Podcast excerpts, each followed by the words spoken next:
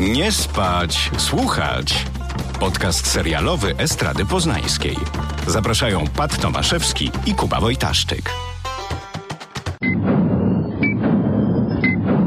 Informacja. W trakcie nagrania tego odcinka doszło do pewnego incydentu.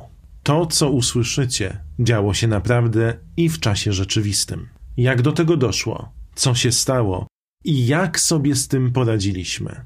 O tym dziś, mimowolnie, w odcinku Nie spać słuchać. Do incydentu zostało 29 minut. Dzień dobry! O, jaki optymizm! Dzień dobry! Wykrzesałem ją jak jaskiniowcy ogień drewnem. Dzień dobry w dwunastym odcinku Nie spać, słuchać. Dzisiaj powiemy o... Czy mam się przedstawić najpierw? E, Chyba w dżinglu jesteś przedstawiony. Ale No. jeżeli tak lubisz swoje nazwisko, to mów. No dobrze. W każdym razie dzisiaj powiemy o dwóch serialach. Oba są dostępne na platformie HBO. Dodatkowo, co dla mnie jest bardzo istotne, oba te seriale opowiadają, czy są przedstawione z perspektywy młodych kobiet. I chciałem coś dodać, ale może zamiast niepotrzebnych rozmów i dygresji przejdziemy do omawiania pierwszego serialu. Pierwszy tytuł to najnowsza produkcja Mikaeli. I made this show you. Czy myślisz, że to jest Michalina po polsku? Michaeli Coel. Michalina Kowalska? Mm, nie sądzę. How did last night end? Flashbacks. I love you too. I Made This Show You, czyli po polsku Mogę Cię Zniszczyć. Premis nowego serialu właśnie HBO w koprodukcji z BBC jest niestety dobrze znaną historią e, z podznaku mitu. I oto dziewczyna idzie z przyjaciółmi na imprezę, po czym budzi się e, o poranku z dziurą w pamięci. No i za bardzo nie wie, co się wydarzyło, ale ma, taki, ma takie dziwne, złe przeczucie że coś jest nie tak. No i czy za dużo wypiła, czy narkotyki, które wzięła ze znajomymi, podziałały za bardzo, a może po prostu. Po prostu zapomniała. No i scenarzystka i gwiazda, o której wspomniałeś, czyli Michalina, e, Michaela Coel, e, oparła historię głównej bohaterki Arabeli e, na swojej własnej historii napaści na tle seksualnym. I serial nie jest opowieścią o przetrwaniu gwałtu, ale też o tym, jak milenialsi y, odnajdują się na rynku pracy poniekąd, ponieważ Arabella ma właśnie e, 32 lata, podpisała e, lukratywną umowę na swoją pierwszą powieść, a poprzednią powieść opublikowała na Twitterze, czyli w ogóle coś, co do niedawna było właściwie niemożliwe. I stała się taką celebrytką. Ludzie robią sobie z nią zdjęcia na ulicy, jest guru. Tak, to prawda. I to, znaczy warto dodać, że ludzie, czyli to młodzi ludzie, jej rówieśnicy i najczęściej e, jednak e, kobiety, bo przedstawiła na tym Twitterze e, perspektywę czarnej dziewczyny e, w dużym mieście, czyli w Londynie. Nie oglądałem zwiastuna, nie czytałem o czym ma być. Ja lubię, jak mnie czasem produkcja zaskakuje. I kiedy ogląda się trzy czwarte pierwszego odcinka, czyli historię właśnie tej głównej bohaterki Arabelli, która musi zdążyć z deadline'em, a jak wiadomo, jej prokrastynacja wygląda tak jak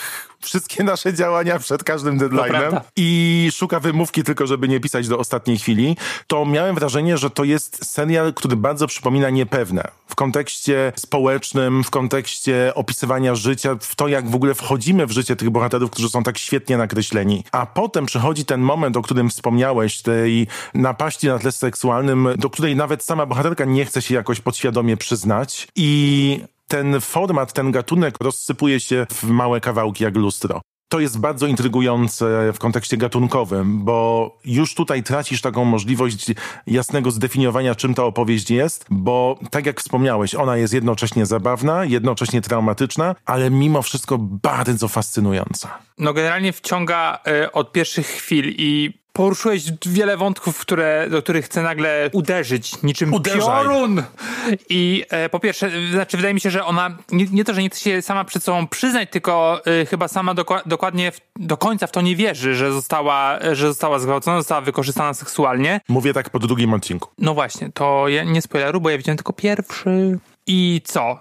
A propos tych młodych ludzi i tego, jak są super nakreśleni, bardzo mi się to podoba, że mm, my wchodzimy w sam środek historii. Tak. I to nam wystarczy i nie potrzebujemy nadmiernych em, opowieści. O, e, co jest super. Generalnie a propos tych wszystkich Twittera i tych wszystkich urządzeń, aplikacji, stosunek postaci do, do telefonów, do, do, do smartfonów jest świetnie pokazany, bo oni po prostu wyciągają ten telefon y, z kieszeni i po prostu w niego się lampią, tak jak my robimy, czy jak robią to młodzi ludzie teraz. I nie musi być żadnego większego również wyjaśnienia, po co to robimy, czy z kimś piszemy, do kogo piszemy i tak dalej. Po prostu tak wygląda teraz życie. Bardzo błyskotliwie i bystrze jest to portretowane, masz rację. Co więcej, ten serial ma bardzo fajne, szybkie tempo i myślę, że dlatego, że też jest adresowany do młodszych ludzi, to te wszystkie sprawy, nawet te poważne, jak i te bardzo komiczne, dzieją się niezwykle szybko, co też pozwala to dużo lepiej skonsumować. A mimo tego, że tempo serialu jest takie dynamiczne, zostawia ci wiele oddechu i przestrzeni na to, żeby trochę pomyśleć, żeby dać też oddech tym bohaterom. Oni nie zawsze się odzywają non-stop. To są też te fajne sceny. Szczególnie w drugim odcinku jest kilka takich kluczowych scen dla całej fabuły, gdzie po prostu spojrzeniami albo taką chwilą budują wszystko, co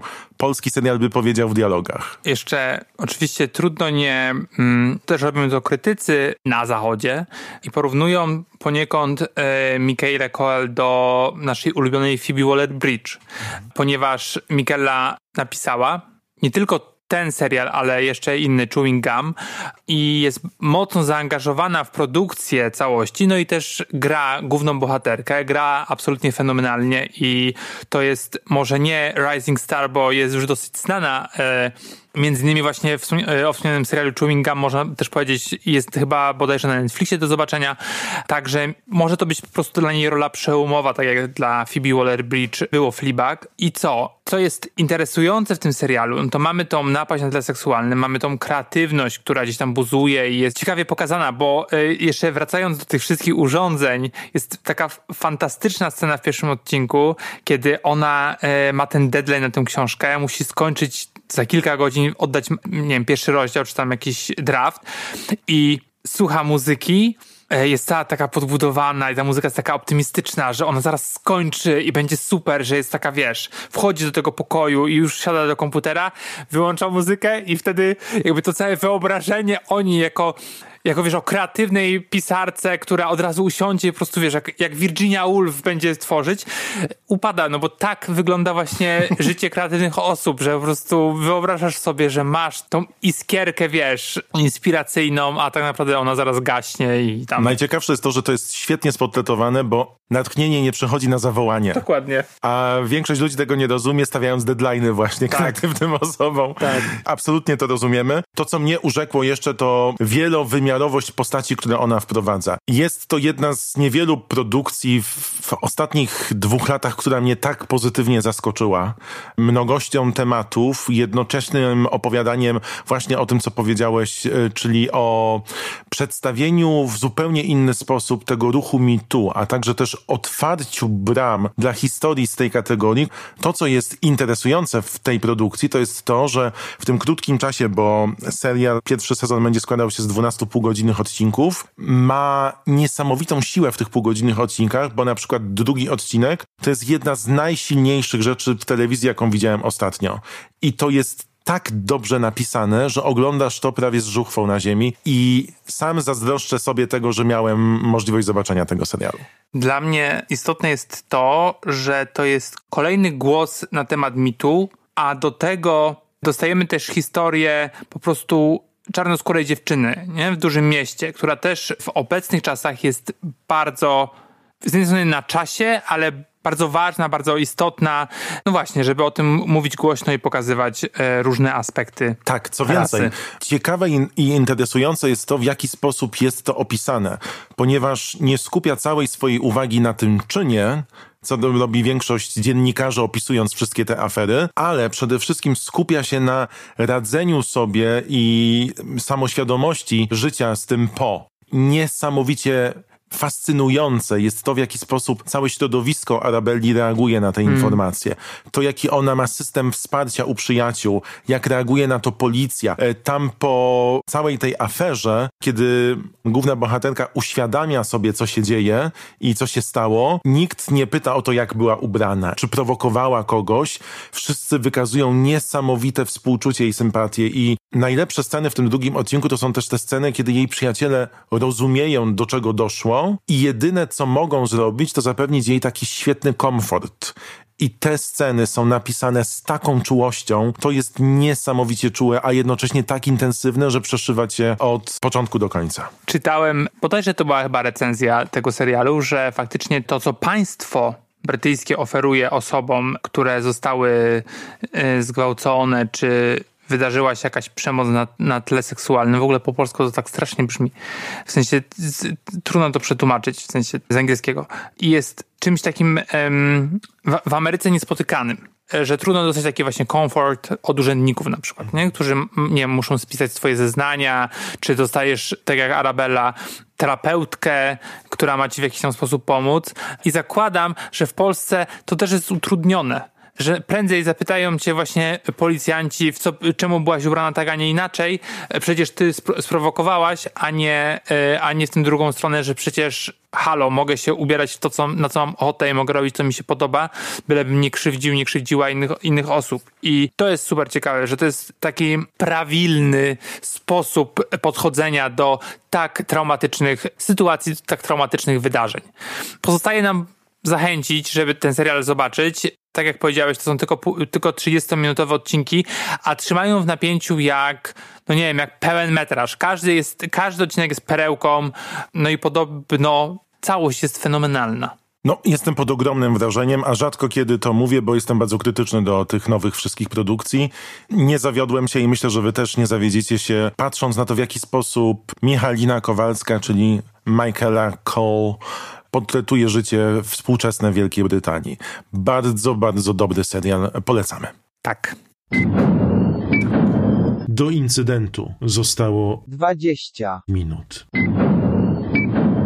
Drugi tytuł, o którym dzisiaj powiemy, to Antologia Miłosna. Love Life nazywa się. Możecie kojarzyć tytuł, bo to jedyny tytuł serialowy, który wszedł wraz z nową platformą HBO Max, a w Polsce poprzez HBO, HBO Go.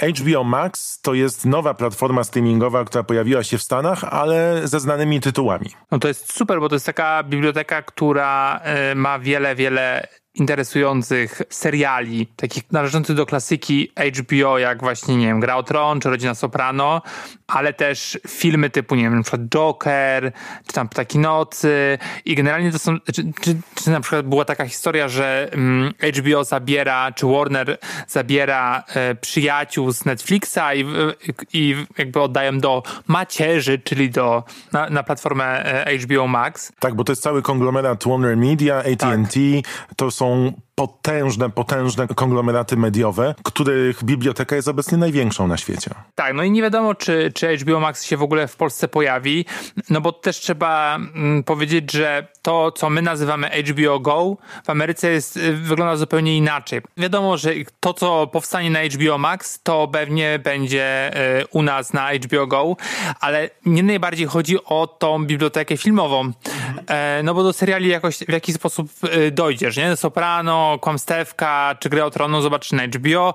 Te filmy takie, wiesz, klasyczne, o które ciągle trudno u nas, mm -hmm. no bo Ameryka ma wiele takich platform, e, gdzie tę klasykę możesz faktycznie zobaczyć i za niewielkie pieniądze, często nawet za darmo, a u nas po prostu musisz się naszukać. To właśnie wszystko za sprawą umów licencyjnych, więc to też jest trudne wprowadzić taką platformę do Polski. Disney też jeszcze nie wszedł do Polski, przecież Disney Plus, ze względu właśnie na zawarte długoterminowe umowy. Tam nic nie ma. A w Stanach ten HBO Max miał się promować specjalnym odcinkiem Przyjaciół, na który cały świat czeka od 25 lat. Cała szóstka zresztą dołączyła do Instagrama, oznajmiając, że wraz z otwarciem... nie było tego. Tak, no ze względu na pandemię COVID-19 nie udało się tego nakręcić. Będzie to późną jesienią, ale mm, cała biblioteka Przyjaciół jest już w Stanach dostępna w HBO Max. Zresztą promują się tymi starymi zdjęciami Przyjaciół, jakby to było coś nowego. I na czas otwarcia, ze względu właśnie na to pokrzyżowanie planów, HBO Max uruchomiło się z jednym pełnometrażowym serialem, którym jest Love Life, produkowany przez Paula Figa,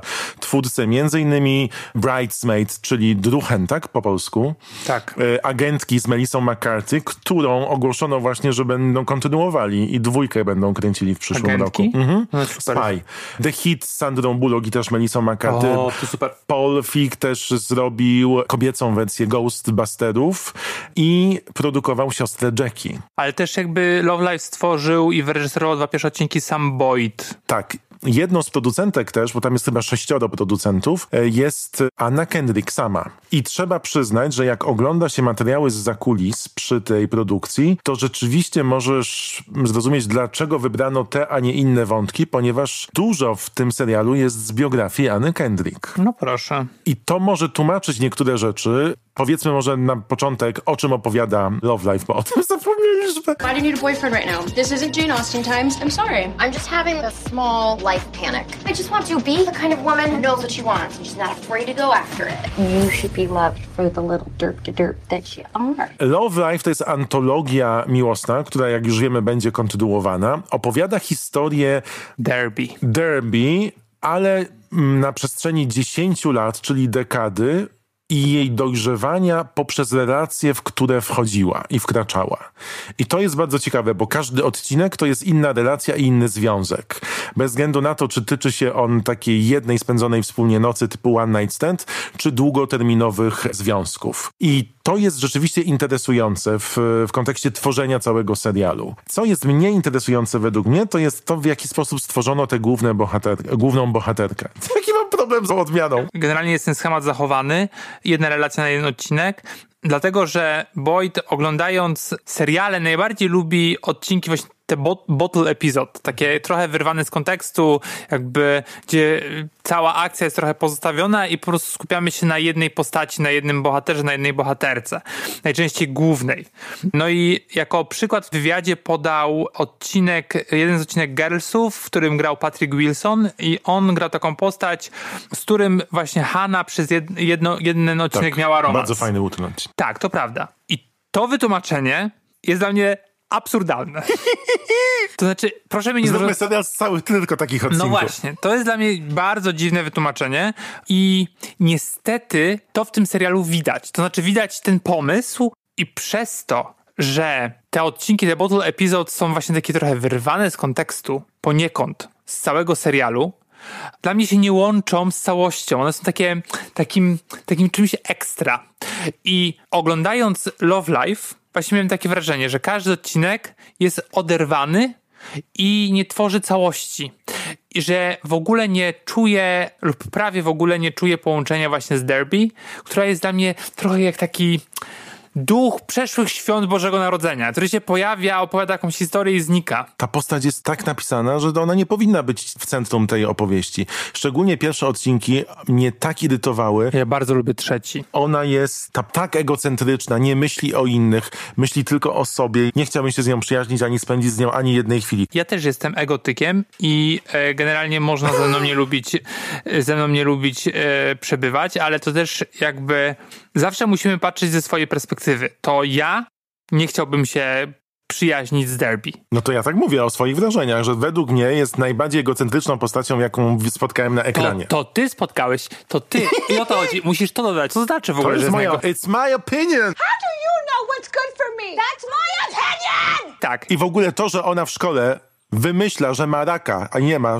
opowiada wszystkim i idzie z tym kłamstwem, to, już akurat jest było fantastyczne. przesada. Fantastyczne. Znaczy, oglądając ten odcinek, my teraz skaczemy z wątków na wątek. no bo tak jak w życiu, tak jak w tym serialu. Musimy ustalić, co jest dla mnie istotne, bo ja ten serial lubię. Ja powiem tak, bardzo lubię ten serial od siódmego odcinka. Czwarty jest bodajże ten e, taki właśnie bottle epizod o licealnej przyszłości i on jest faktycznie najsłabszy, też są inne postaci, ale co jest dla mnie istotne, to to, że w końcu dostajemy produkcję, w której główna postać, kobieca, może mieć wielu partnerów i to nie jest na zasadzie jak w filmach, wiesz, duchy moich byłych, że one są po prostu, te dziewczyny chcą, Przypomniałeś mi ten film. chcą się, wiesz, chcą, chcą zabić tego, ym, tego, to chyba Matthew McConaughey Mhm. tam grał. Chcą go zabić tylko dlatego, że je zostawił, czy tam się rozstali po prostu są zawisne i tak dalej. A tutaj chodzi o to, że życie, no jest trochę bardziej skomplikowane niż sama zawiść pomiędzy, wiesz, partnerami. I to jest bardzo fajnie pokazane w tym serialu,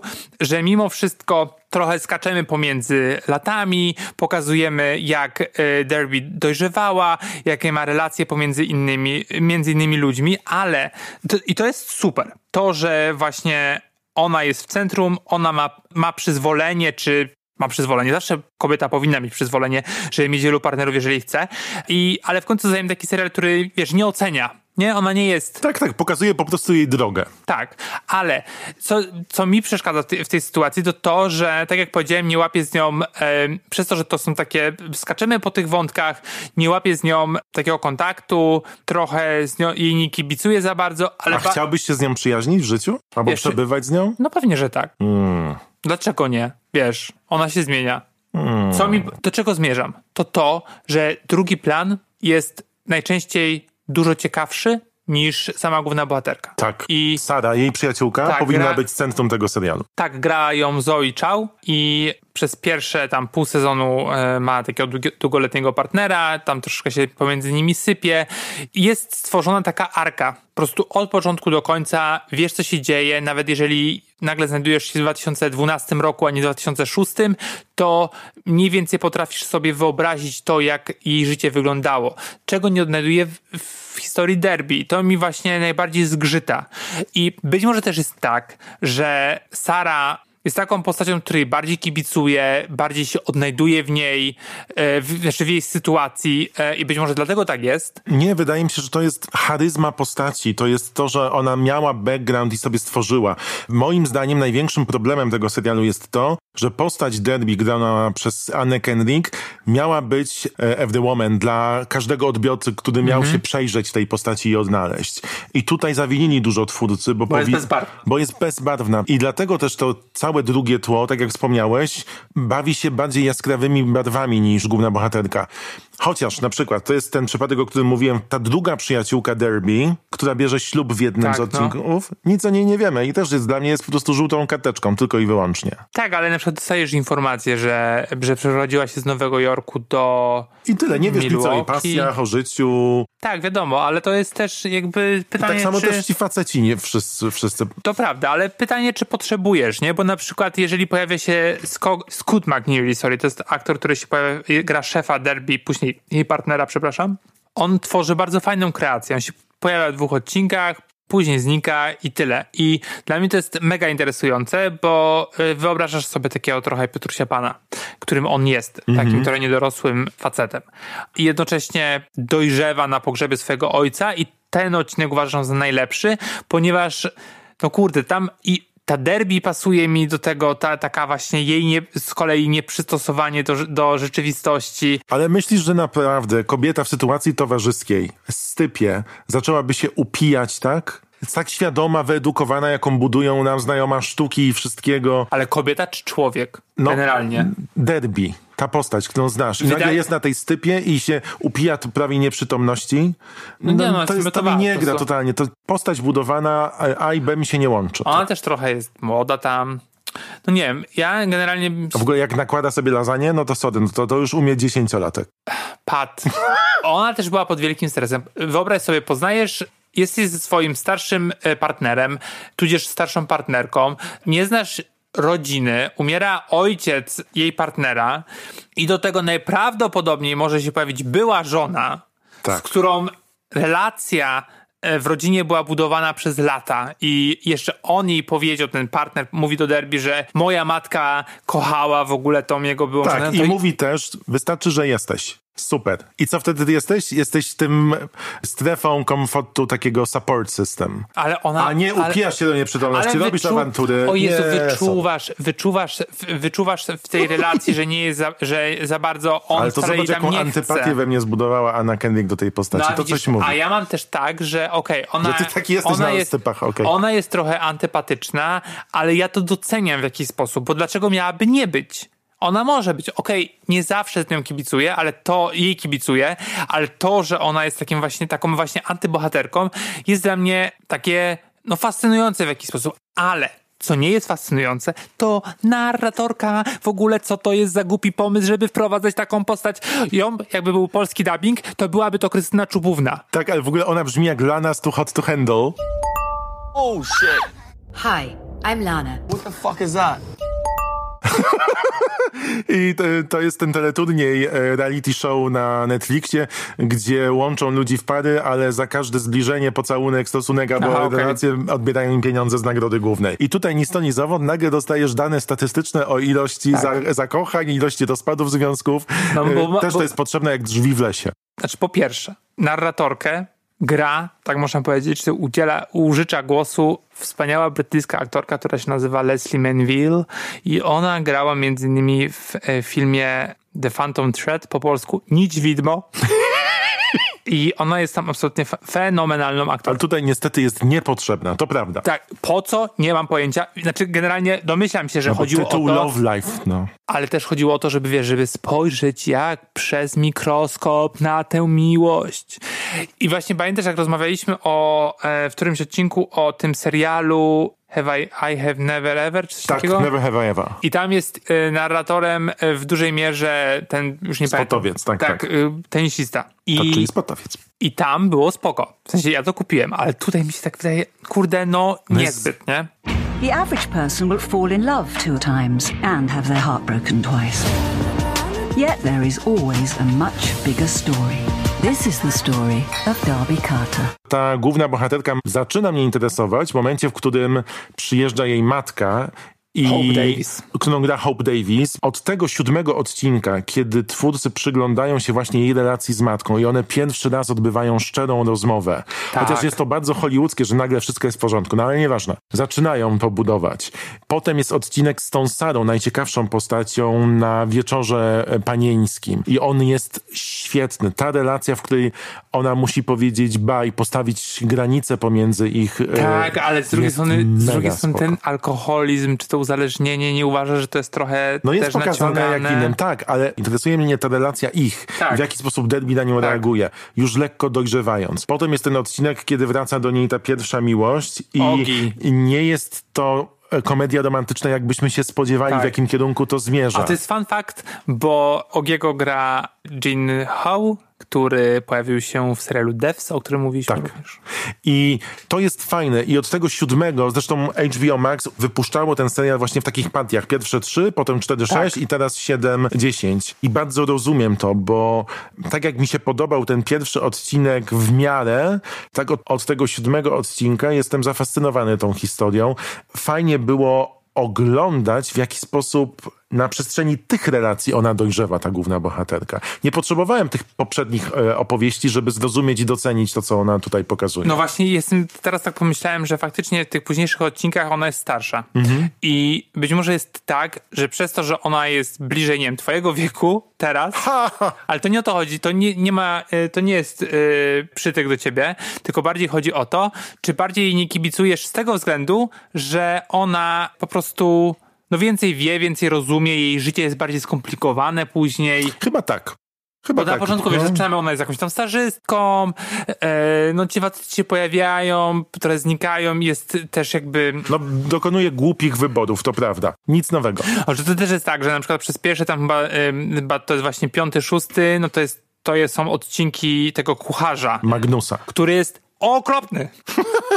To mało Dziękuję. powiedziane, najgorsza Dziękuję. postać i też, no dobra, jest napisana. To nie jest tak, że on jest bezbarwny zupełnie, tylko po prostu ten aktor i to, ta historia, ale widzisz, to też jest tak, że ona jest, ta historia jest tak trochę absurdalna, że teraz patrzysz na to, że ty byś się nigdy w takie coś nie, nie dał... Dokładnie. E, nie dał e, uwikłać. Tak. No tak, ale być może, znaczy po pierwsze, ona się dała, no i ma do tego prawo, a po drugie, no też jest, wiesz, kwestia wieku może, że po prostu, wiesz, uwierzyła w taką, Że chciała mieć taki perfekcyjny związek, żeby... a może poczucie bezpieczeństwa, skoro matka jej tego bezpieczeństwa, wiesz, to, to już jest psychoanaliza, Ja nie? nie wiem, patrzę na tą derby napisaną w odcinku od 7 do 10 i patrzę w tych pierwszych i wydaje mi się, że pierwszy na wprowadzenie i od siódmego dalej to to jest super serial. Jak połączyć wszystko, to to jest okej serial. Według mnie.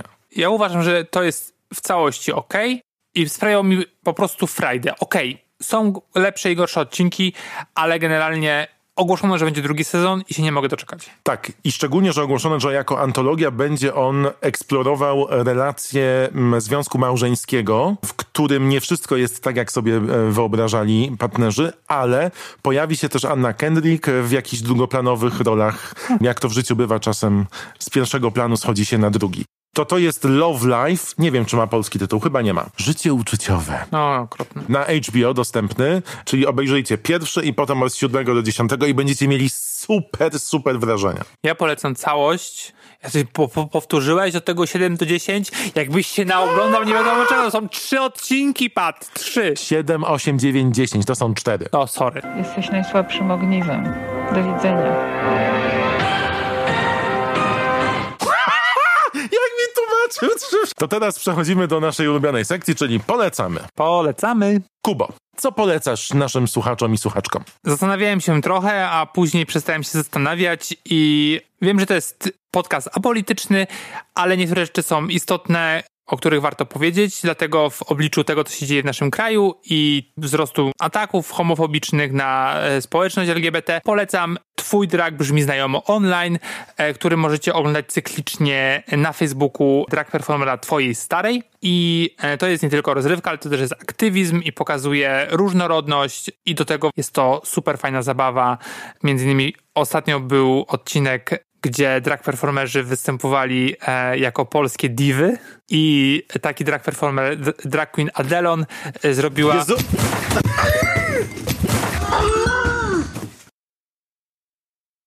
Zobacz, Pat, mówimy o, y, o dragu i o LGBT i ściana się na nas przewróciła. Tak, słuchajcie, naprawdę poczułem się jak w 2012 roku, w tym oglądając ten film Rolanda Emerika.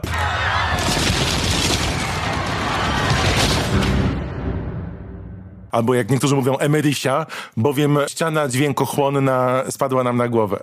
To wszystko przez ciebie, Kuba. Bardzo. Dobrze, to w tym No świecie, w którym ściany runęły, przerwaliśmy wypowiedź Kuby, w którym mówiła o ostatnim odcinku twojego dragu brzmi znajomo. Online. Występował między innymi Adelon, który lip-syngował do piosenki Szparka sekretarka Maryi Rodowicz, czyli mojej ulubionej piosenki Maryli Rodowicz, więc bardzo się e, śmiałem. A Piotr Buźko, czyli twoja stara, Bardzo zdolny człowiek. bardzo zdolny człowiek, pozdrawiamy. Zawsze pokusza się o to, żeby powiedzieć coś istotnego na temat sytuacji osób LGBT i e, taki ten miks e, właśnie rozrywki i zaangażowania, aktywizmu jest dla mnie niezwykle istotny, zwłaszcza teraz. Dlatego polecam. To poleca Kuba. Ja chciałem polecić kilka mediów, ale jeden temat. Ja właśnie odłożyłem jakiś czas temu i kończę lekturę książki Donana Faroła Catch and Kill o tym, w jaki sposób zburzono imperium Harvey'ego Weinsteina i ujawniono pierwszą falę tego ruchu Me Too oraz Time's Up. Ronan z niesamowitą lekkością pióra opisuje ostracyzm, zmowę milczenia Hollywoodu i to, w jaki sposób przebijał się przez tą ogromną, bardzo grubą ścianę stworzoną przez prawników, em, potężnych ludzi, którzy mieli prawo za nic i skrzywdzili naprawdę wiele osób. Co więcej, tej książce towarzyszy podcast Ronana Faroła Catch and Kill, w którym Ronan prezentuje nagrania e, osób, które zgodziły się wystąpić przed mikrofonem i opowiedzieć o tym, co spotkało je z rąk bardzo potężnych ludzi w Hollywood. I'm Ronan Farrow, host of the Catch and Kill podcast. It's a deep dive into my investigation of Hollywood executive Harvey Weinstein and how I followed a trail of clues from that story to others about the systems that protect powerful men accused of terrible crimes in Hollywood, Washington, and beyond. Wchodząca pod skórę lektura, szczególnie ważna, że sam Ronan Farrow, nawet w tym podcaście, opowiada o swojej relacji z Woodym Allenem, który, jak wiemy, jest postacią bardzo kontrowersyjną i Ronan zdradził właśnie w tym podcaście też, że pisze książkę o swoim ojcu, do którego potrafił się niesamowicie zdystansować, gdzie sprawdza wszystkie dokumenty zebrane i mówi, że to nie jest jednak tak, jak mówi FBI i warto się temu przyjrzeć. Co dla mnie jest bardzo trudne, bo w moim domu i w domach moich przyjaciół kult twórczości Woody'ego Allena jest niezwykle wysoki. Zawsze był. Jeden z pierwszych filmów, który widziałem w kinie, to jak mama mnie pod płaszczem przemyciła do kina na jeden z filmów Woody'ego Allena z Diane Keaton. I zderzenie tego, co stworzył ten człowiek z tym, jakie rzeczy popełniał i o co jest oskarżony, jest bardzo trudne do takiego spożycia. A w tej książce, jak i w podcaście, Ronan Farrow z ogromną elokwencją opowiada o tym, jak wielkim bólem i trudem jest po pierwsze opowiedzieć, przyznać się, przeżyć tę historię, a po drugie zmierzyć się z społeczeństwem, które nie jest gotowe na te prawdy. Bardzo dobra lektura, też audiobook tej książki, bo słucham na zmianę, jest wstrząsający, ale to taka lektura, która zostaje z wami na długo i myślę, że w tym czasie warto zapoznać się z pozycją, za którą Ronan dostał Pulitzera. No i to jest też ciekawe, e, jakby pokazuje to, o czym powiedziałeś, że trudno uwierzyć Woody'emu Allenowi, czy w sensie nie, że uwierzyć jemu, tylko trudno go uwierzyć Ronanowi, mhm. a zbesz, zbesztać Woody'ego, ponieważ to jest tak wielka gwiazda i tyle zrobił dla kina, że to jest niemożliwe, że on był tym złym i tym potworem. Więc ja, dla mnie Woody Allen był bardzo istotną postacią, uwielbiałem jego filmy, do tej pory mam je z tyłu głowy, ale odkąd y, dowiedziałem się o tym molestowaniu, o tym, o tym, co się wydarzyło, przestałem oglądać mhm. i tyle. Jakby generalnie koniec po prostu męskiej dominacji w kinie, wszędzie. No skończyliśmy tak ciężko, ale oglądajcie miłe rzeczy w telewizji i mi miłą rzeczą na pewno jest Love Life i o trochę się oderwiecie od y, smutnych tematów. Bardzo dziękujemy, że z nami wytrzymaliście, jesteście w porządku. A my przeżyliśmy y, no jakby upadek ściany. Trauma. Nie spać, słuchać. Producentem podcastu jest Estrada Poznańska. Wszystkie odcinki znajdziesz na estrada.poznan.pl.